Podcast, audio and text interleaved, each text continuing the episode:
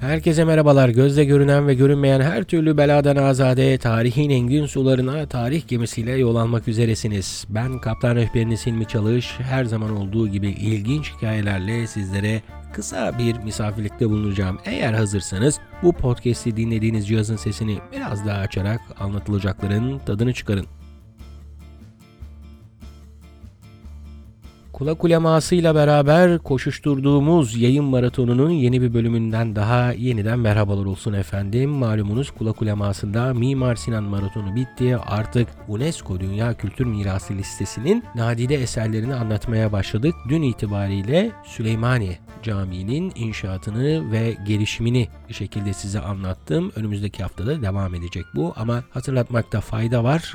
Kulak uleması önümüzdeki haftadan itibaren bir ay boyunca ara verecek. Merak buyurmayınız efendim. Tarih dergisi tüm hızıyla yayınlanmaya devam edecek. Geçmişin tarih dergilerinden günümüze yansıyan hikayeleri anlattığımız bu podcast bölümünde bu sefer sizlere bir tarih dergisi getirmedim efendim. Eskiden 1950'li yıllarda Halkçı gazetesinde bu arada Halkçı gazetesi 1950'li yıllarda Demokrat Parti'nin Cumhuriyet Halk Partisi'ne olan yakınlığıyla bilindiği için Ulus gazetesinin kapatılması sonucunda açılmış bir gazete. Bu gazetede Ragıp Akyavaş tarafından yazılmış olan güzel güzel makaleler varmış efendim. Bunları daha sonra Türkiye Diyanet Vakfı yayınları bir araya getirmiş ve Asitane isminde iki cilt olarak yayımlamışlar. 1900'lerin başından itibaren İstanbul'un kaybolan renklerini okuyabileceğiniz güzel bir Türkçe ile yazılmış makaleler bunlar. Konuya girmeden önce her zaman olduğu gibi yine yazar hakkında kısaca bilgi vermekte fayda var. Ragıp Akyavaş ilk tahsilini Şam'da San Vincent de Paul Fransız mektebinde alıyor. Çünkü babası o bölgenin kumandanı olan Mehmet Emin Paşa'nın burada bulunmasından dolayı doğar doğmaz böyle bir kültür e, coğrafyası içerisinde büyüyor ve eğitimini iyi bir şekilde tamamlıyor. Bu arada 1890 yılında dünyaya geliyor ve 1969 yılında da hakkın rahmetine kavuşuyor.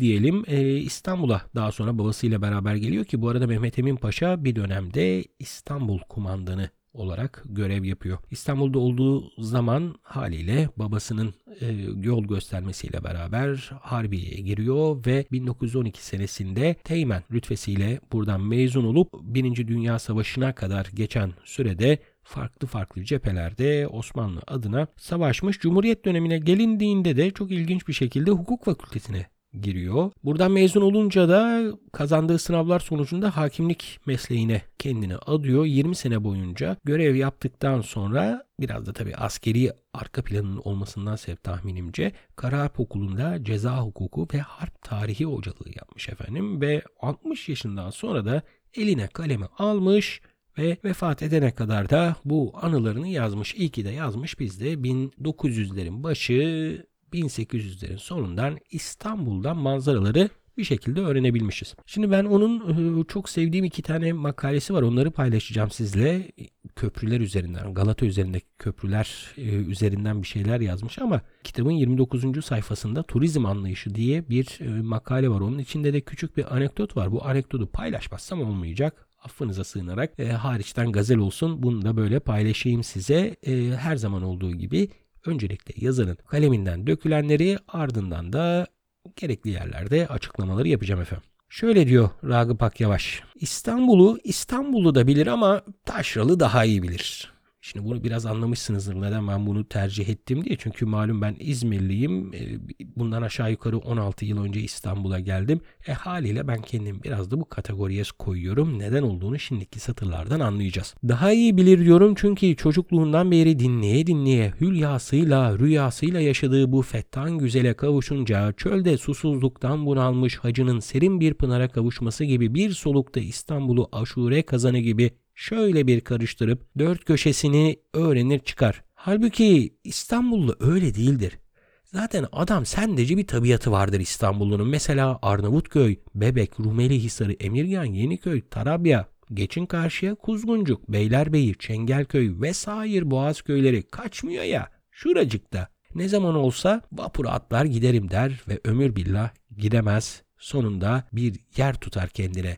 Ya Karacaahmet ya Zincirlikuyu ya da Aşiyan diye İstanbullulara bir serzenişte bulunuyor. Neden İstanbul'u gezip görmüyorsunuz diye. Bu arada Aziz Nesin'in de buna benzer bir öyküsü var. Çok severim ben. Biz şimdi köprüler mevzuna girelim efendim. Şöyle başlıyor köprüler mevzuna. Lütfi tarihinin verdiği malumata nazaran 1836'da Un Kapanı ile Azap Kapısı yani günümüzde daha çok Şişhane diye bildiğimiz e, bölge arasında bir köprü kurulmasının halkça ve memleketçe faydalı olacağı düşünülmüş. İnşası için Sultan II. Mahmut'tan bir irade alınmış ve köprü birbirine bağlı sallar üzerinde inşa edilmişti. Genişliği iki arabayla iki yüklü beygirin ve kenarda piyadelerin birbirine dokunmadan geçebilecekleri kadardı. Uzunluğu 600 ziradan fazlaydı. Bu zira insan dirseğinden orta parmak ucuna kadar bir uzunluktu.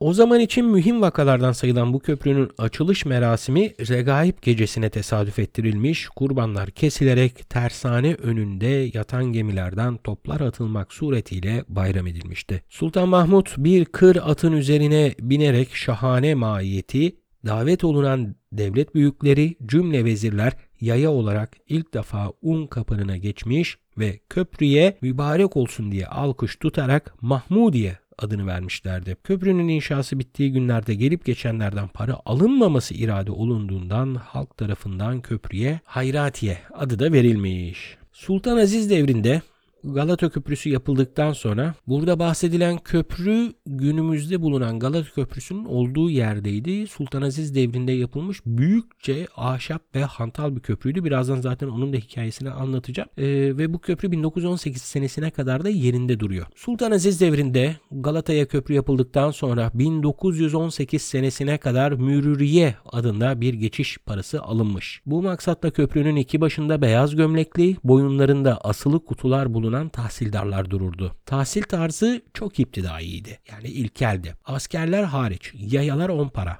Yani kuruşun yüzde biri diyelim biz buna. Atlı arabalar 100 para yani bir kuruş ödemek mecburiyetindeydi. Tahsildarlar avuç açarlar gelip geçen yolculardan köprü geçiş ücreti isterlerdi. Bu yüzden yolcularla aralarında münakaşa ve kavga eksik olmazdı. Tahsildarlar parasız geçmek isteyenleri ara yerden sıvışıp kaynamaları önlemeye çalışırlar. Bunun için de küfür yağmuruna başvururlardı. Ama ne küfürler. Yakası açılmamış, işitilmemiş sultani tarzı küfürler. Bu küfürler İstanbul hayatının o dönemki tarihine geçmiştir. Bu sebepledir ki köprü tahsildarlığına rastgele adam alınmazdı. Küfür savurmakta becerisi olanlar için bir müsabaka imtihanı açılıp muvaffakiyet gösterenler tercih edilirlerdi diye ilginç bir işe alım sürecinden bahsediyor. 1900'lerin başında Ragıp Akyavaş. Şimdi biz onun diğer makalesine geçelim. Bu biraz daha uzunca ve ilginç e, yaşanmışlıklar aktarıyor. Şöyle başlıyor. Cisri Cedid. Cisri Cedid e, yeni köprü demek. Haliyle Sultan II. Mahmut'un yaptırmış olduğu köprüye eski köprü dersek de Sultan Aziz devrinde yapılan o ahşap köprüye de Cisri Cedid yeni köprü demişler. Bu köprünün yerine 1918 senesinde bir köprü yapıldı. O 1990'lara kadar yerinde durdu. 1993 senesinde bir yangın sonrasında oradan kaldırıldı. Günümüzdeki köprü yanlış hatırlamıyorsam 94 civarı filan aktif oldu diye hatırlıyorum. Yanlışım varsa bir şekilde bana mesaj yoluyla ulaşabilirsiniz. Diyeyim bu e, küçük izahattan sonra bakalım nasılmış Sultan Aziz devrindeki Cisri Cedid. Cisri Cedid diye şu bizim Galata Köprüsü'ne derlerdi. Bu onun 50 yıl evvelki adıydı. Şimdiki köprünün de aha babasıydı. Fakat adına bakıp da sakın aldanmayın. Yeniyle filan hiç münasebeti yoktu. Eski mi eski, köhne mi köhne. Her tarafı kaşamış, civataları laçka olmuş, immeli adamlar gibi her tarafı zangır zangır dururdu. Döşemesi şimdiki torunu gibi öyle alafranga asfalt değildi. Henüz o tarihlerde asfalt ortaya çıkmamıştı bile. Gayet iri kalaslar yan yana dizilip sıraya konmuş, aralıklarından aşağıya bakınca da mavi deniz insana hüzün veren durgun, meylül haliyle görünürdü. Günümüzdeki köprünün üzerinden geçerken hep bu yeşil derinliklere baktığımda bir damat beyin arabası ile yattığını düşündükçe tüylerim ürperirdi diyor. Şehremini yani belediye başkanı merhum Rıdvan Paşa'nın yerine gelen Mazhar Paşa'nın damadı bilmem ne bey bir sabahın çok erken saatlerinde yanında iki hoşur kadın olduğu halde bu herhalde biraz hafif meşrep demek olacak. Beyoğlu alemlerinden dönüyormuş. Bindiği kupa arabasını bir çift Yağız katana atı dört nalı sürükleyip köprünün başına kadar getirmişler. Tam o saatte köprü bermutat açık bulunuyormuş. Kolcular aman etmeyin durun gitmeyin diye avazları çıktığı kadar bağırmışlar çağırmışlar hatta arabanın peşine takılıp koşmuşlarsa da herhangi bir ferman okunur mu? Okunmaz. İçkili adam çünkü. Şişede durduğu gibi durmuyor. Arabacı efendisinden aldığı emre itaat ederek zaten lokomotif gibi giden koca katanalara iki kamçı aşk etmiş ve bir dakika sonra araba,